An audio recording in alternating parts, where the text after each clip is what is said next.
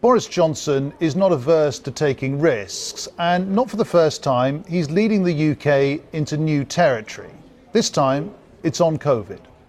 If we can't reopen our society in the next few weeks, when we will be helped by the arrival of summer and by the, the school holidays, then we must ask ourselves when will we be able to return to normal? Very soon in England, the COVID restrictions look likely to be gone. Ja, det är nu en dryg månad sedan som Storbritannien öppnade upp landet igen efter många månader av hårda restriktioner under pandemin. Nu kan man leva i stort sett som man gjorde innan coronaviruset tog ett grepp om hela världen. Vi har i Daily flera gånger kollat läget med våra reportrar i London för att höra hur det är i just Storbritannien då britterna många gånger under pandemin har legat steget före i bland annat lockdown men även i vaccinationstakten. Så, hur ser då statistiken ut? Häng med, för det kommer siffror här. Totalt så har över 6,6 miljoner britter smittats och över 132 000 har dött till följd av viruset.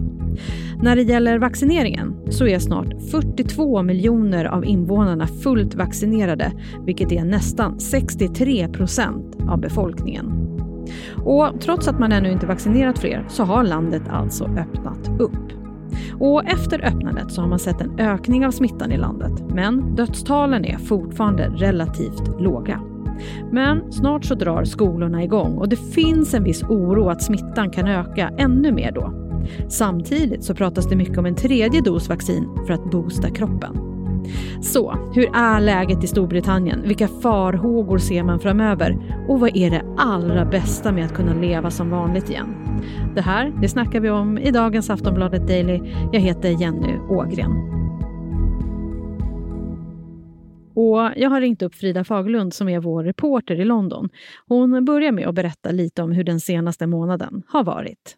Ja, alltså det fanns ju en farhåga att man skulle tappa kontrollen över situationen i och med att man lyfte restriktionerna så markant. Men eh, det har inte riktigt hänt hittills. Nu kommer ju skolorna öppna här i september och folk kommer återvända till kontoren i större utsträckning. Men professorerna tror att vi närmar oss endemic equilibrium, som det så fint heter, alltså den punkt där antalet fall varken ökar eller sjunker. Eh, tror dessutom att många människor förhoppningsvis har utvecklat ett naturligt skydd mot viruset. Så att vi får se. Så, som sagt, farhågorna finns kvar då att eh, antalet fall kan öka i höst, men än så länge så har det faktiskt gått mycket bättre än vad många, många förutspådde att det skulle göra. Ja, för det verkar ändå som man har förutspått att det skulle kunna bli ganska mycket nya fall när man hävde restriktionerna. Men hur är smittoläget? Ja, men det är det som är så väldigt intressant när man jämför augusti 2020 med augusti 2021. Jag fick nästan en chock faktiskt, för att antalet fall är ju betydligt högre jämfört med förra året. Alltså det är runt 37 000 nu jämfört med sådär 1180 fall förra året. Och antalet som läggs in på sjukhus eller avlider är ju också högre såklart eftersom att fler är smittade. Men, eh, alltså, med en sån med en sån ökning ändå i antalet smittade så borde ju rimligtvis det innebära att sjukhusen är överbelastade. Men det är de inte riktigt. Och detta tillskrivs ju vaccineringen som har varit väldigt lyckad och rädda oerhört många liv. Och man måste också komma ihåg att fler människor testar sig i större utsträckning nu jämfört med ett år sedan. Alltså man hittar fler dolda fall, de som inte har några symptom. Och jag minns ju för ett år sedan i augusti så åkte jag ju hem till Sverige i några veckor och då behövde man ju inga, ja man behövde inte testa sig innan dess och man behövde ingenting för att återvända till landet och nu är man ju betydligt hårdare där vilket gör att man, man upptäcker fler som är smittade. Och man tror att runt 84 600 dödsfall har förhindrats tack vare vaccineringen. Så att det spelar egentligen ingen roll hur många som är infekterade så länge man ser till att, att ingen blir sjuk av det. Så på så sätt så har det faktiskt gått bättre än, än vad man hade trott från början, trots att det är så höga smittoantal. Och, och hur tycker liksom befolkningen att regeringen har hanterat det här med att öppna innan alla är vaccinerade fullt ut? Ja, alltså jag skulle ändå säga att den största alltså det största missnöjet handlar snarare om att regeringen är fortsatt lite så diffus i sina beslut. Och så har det ju varit från första början och det kan väl dels, kan man ju skylla på då att ingen riktigt har vetat vad det här viruset innebär och man har fått ta många beslut eh, ja, alltså på oerhört kort tid och sådär och väldigt tätt inpå, ja, men som julen förra året exempelvis som blev helt förstörd eftersom att man ombads att stanna hemma och inte träffa sin släkt och sådär. Känslan överlag är väl att man är rätt lättad över att man kan ha ett socialt liv igen. Det är fortfarande en hel del som har munskydd på sig. Man måste fortfarande ha det i kollektivtrafiken. Ehm, att resa är ju fortfarande otympligt med i och med att man måste boka in vacciner, eller vaccin, boka in eh, covid-test och sådär när man återvänder. Men eh, i övrigt så skulle jag väl ändå säga att de flesta verkar kunna leva sina liv betydligt mer normalt nu än vad man har gjort innan och att de flesta är oerhört lättade över det. Storbritannien var ju ändå väldigt snabbt ute med att börja vaccinera. Hur går det med vaccineringen nu då? Ja, nej, men det går, det går bra. Um, det, den enda målgruppen egentligen som man är lite orolig för, det är ju de yngre som man försöker locka till att, till att vaccineras.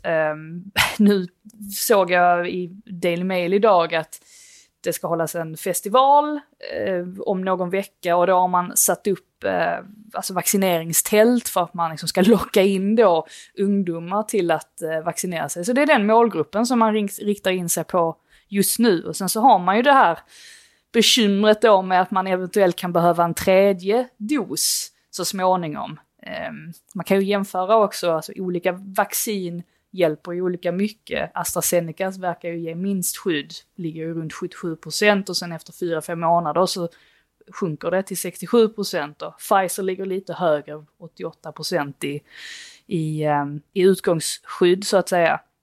Så där så tror man ju att man kanske bör, kommer behöva ta ett beslut huruvida de som är i riskgruppen då ska kunna erbjudas en tredje dos. Men precis som jag sa innan så eh, hoppas man ju då att de flesta ändå har utvecklat ett naturligt skydd så att det inte ska behövas.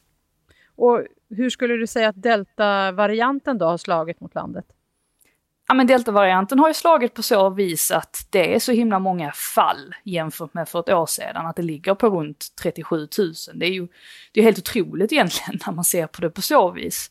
Men tack vare då vaccineringen så har det ändå gått att, gått att stävja. Eh, det vill säga att sjukhusen inte har känt av det så som eh, ja, de hade gjort för ett år sedan helt enkelt. Och sen är det så här, man måste ha vaccinationspass eller vad det nu kallas hos, i London och Storbritannien för att kunna jobba och studera och gå på evenemang. Visst är det så?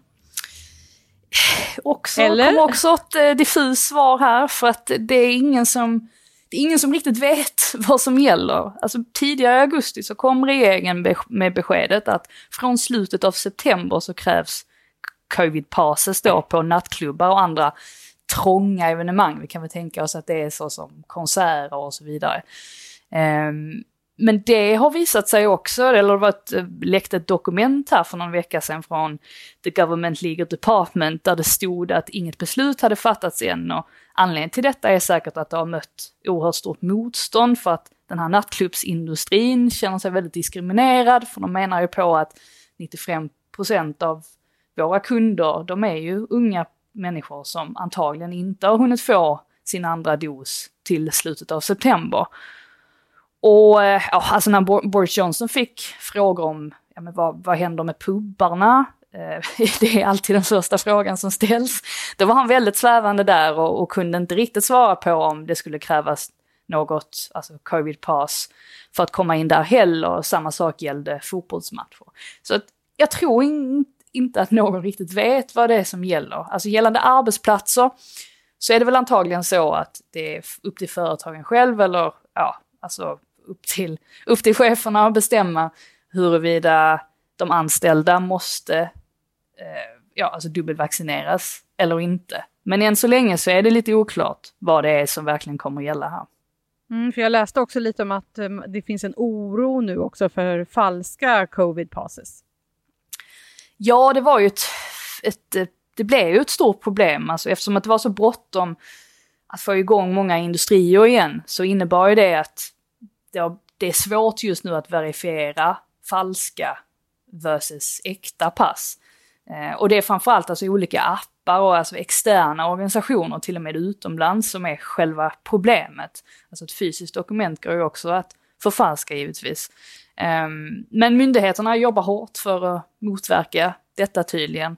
Eh, vi får se också vad, kommer säkert ske några, några förändringar längre fram. Just nu så ska man ut och resa, ja men då laddar man ner sitt covid-pass och så kan man skriva ut det om man vill eller eh, plocka fram det i, i mobilen. Eh, men det är väl klart att när man inför någonting sånt här så, så dröjer det inte länge innan det dyker upp folk på, på svarta marknaden. Det verkar ju som att framförallt alltså den här anti-vaxxer kulturen som ändå har dykt upp, alltså de som protesterar mot vaccineringen. Det är väl framförallt de som verkar erbjudas den här typen av lösningar eftersom att de då inte kommer få det här covid-passet som kan bli så viktigt. Och Frida, det är ju så, du jobbar ju för Sportbladet med att bevaka fotbollen i England och det är väl så att Premier League har dragit igång och allt är som vanligt igen? Ja, faktiskt. Eh, helt otroligt egentligen att gå på fotboll igen och sen så är det fullsatta läktare. Eh, ja, här rullar det på som vanligt. Det är klart att vi journalister känner av det lite grann i, vi får inte sitta i pressrummen längre utan man får ta sin mat och sen får man gå ut och sätta sig på sin plats utomhus. Men eh, i övrigt så rullar det på. Man måste visa upp ett, eh, ett negativt testresultat innan man kliver in på arenan och det kan ju möjligtvis på sikt då bli så att man måste vara dubbelvaccinerad. Men än så länge så har fotbollen verkligen återgått till det normala. Ja, hur funkar det vanliga livet, tycker du? Ja, det funkar bättre nu än, än innan. Det är väl klart att det är en, en oerhörd lättnad ändå att man kan röra på sig och jag känner till och med att de uppmuntrar en att resa utomlands och sådär. Ehm, Läste liksom i, ofta när man läser tidningarna nu så innan tog de ju bort sina eh, ja, sådana här artiklar om ja men hit, hit ska du åka till i, i Spanien eller i Italien och sådär, utan man fokuserade mer på inreseresor. Men nu så verkar det ha vänt lite grann och eh, man, man är inte lika man är inte lika strikt längre. Alltså så skulle jag väl kunna säga att man, man är ganska trött på det här och vill helst att livet ska gå vidare. Vad skulle du säga är det bästa med att landet har öppnat igen? Nej men det är väl att man kan träffa att man kan träffa vänner och alltså bara en sån sak som, ja men jag som tillbringar väldigt mycket tid på olika arenor, bara att jag kan få gå fram och prata med folk numera är ju helt eh, otroligt. Vilket jag inte kunde på hela förra året och det blev väldigt isolerat och jag har ju full förståelse för att ja, men den psykiska ohälsan har ökat och sådär i, i, runt om i Storbritannien. Det är inte speciellt konstigt så att just den biten är oerhört skön. Tack för idag Frida. Tack!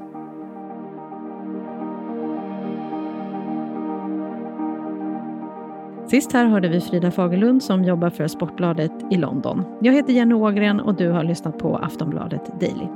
Vi kommer ut med nya avsnitt på vardagar så följ oss gärna i din poddspelare så missar du inga avsnitt. Vi hörs snart igen. Hej då!